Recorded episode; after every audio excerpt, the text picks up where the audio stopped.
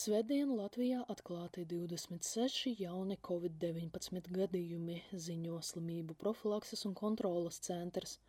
Nav saņemta informācija par jauniem mirušajiem.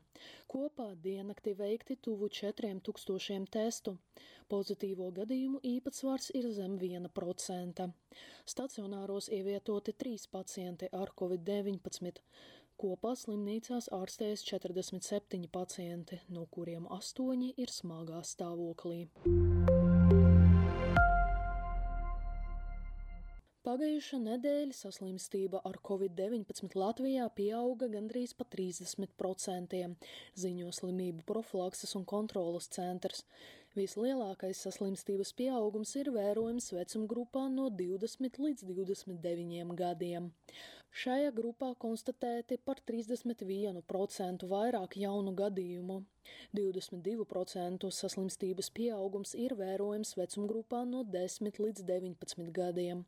Ievēsto gadījumu īpatsvars ir samazinājies līdz 15%. Visbiežāk saslimušie atceļo no Krievijas, Turcijas, Lielbritānijas un Spānijas.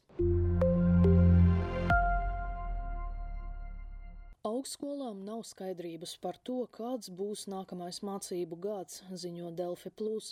Starp jauniešiem vecumgrupā no 20 līdz 24 gadiem vakcinācijas aptvere ir ap 40%, un augstskolas aicina studentus vakcinēties, lai varētu atsākt studijas klātienē.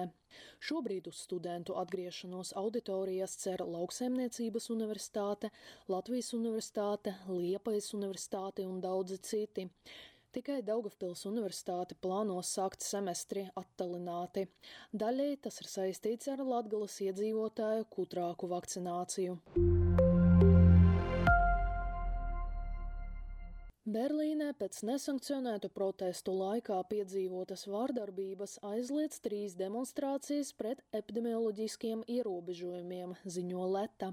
Svētdien demonstrācijas laikā izcēlās sadursmes ar policiju, tika aizturēti ap 600 cilvēkiem.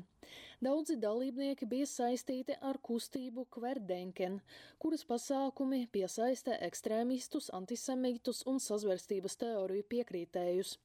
Tāpēc Berlīnes varas iestādes aizliedza divus gājienus, kur plānoja pulcēties ap desmit tūkstošiem cilvēku, un demonstrāciju, kurā varēja ierasties ap tūkstots cilvēku. Covid-19 dienas apskatu sagatavoja Ksenija Kaļiesņikova, portāls Delfi.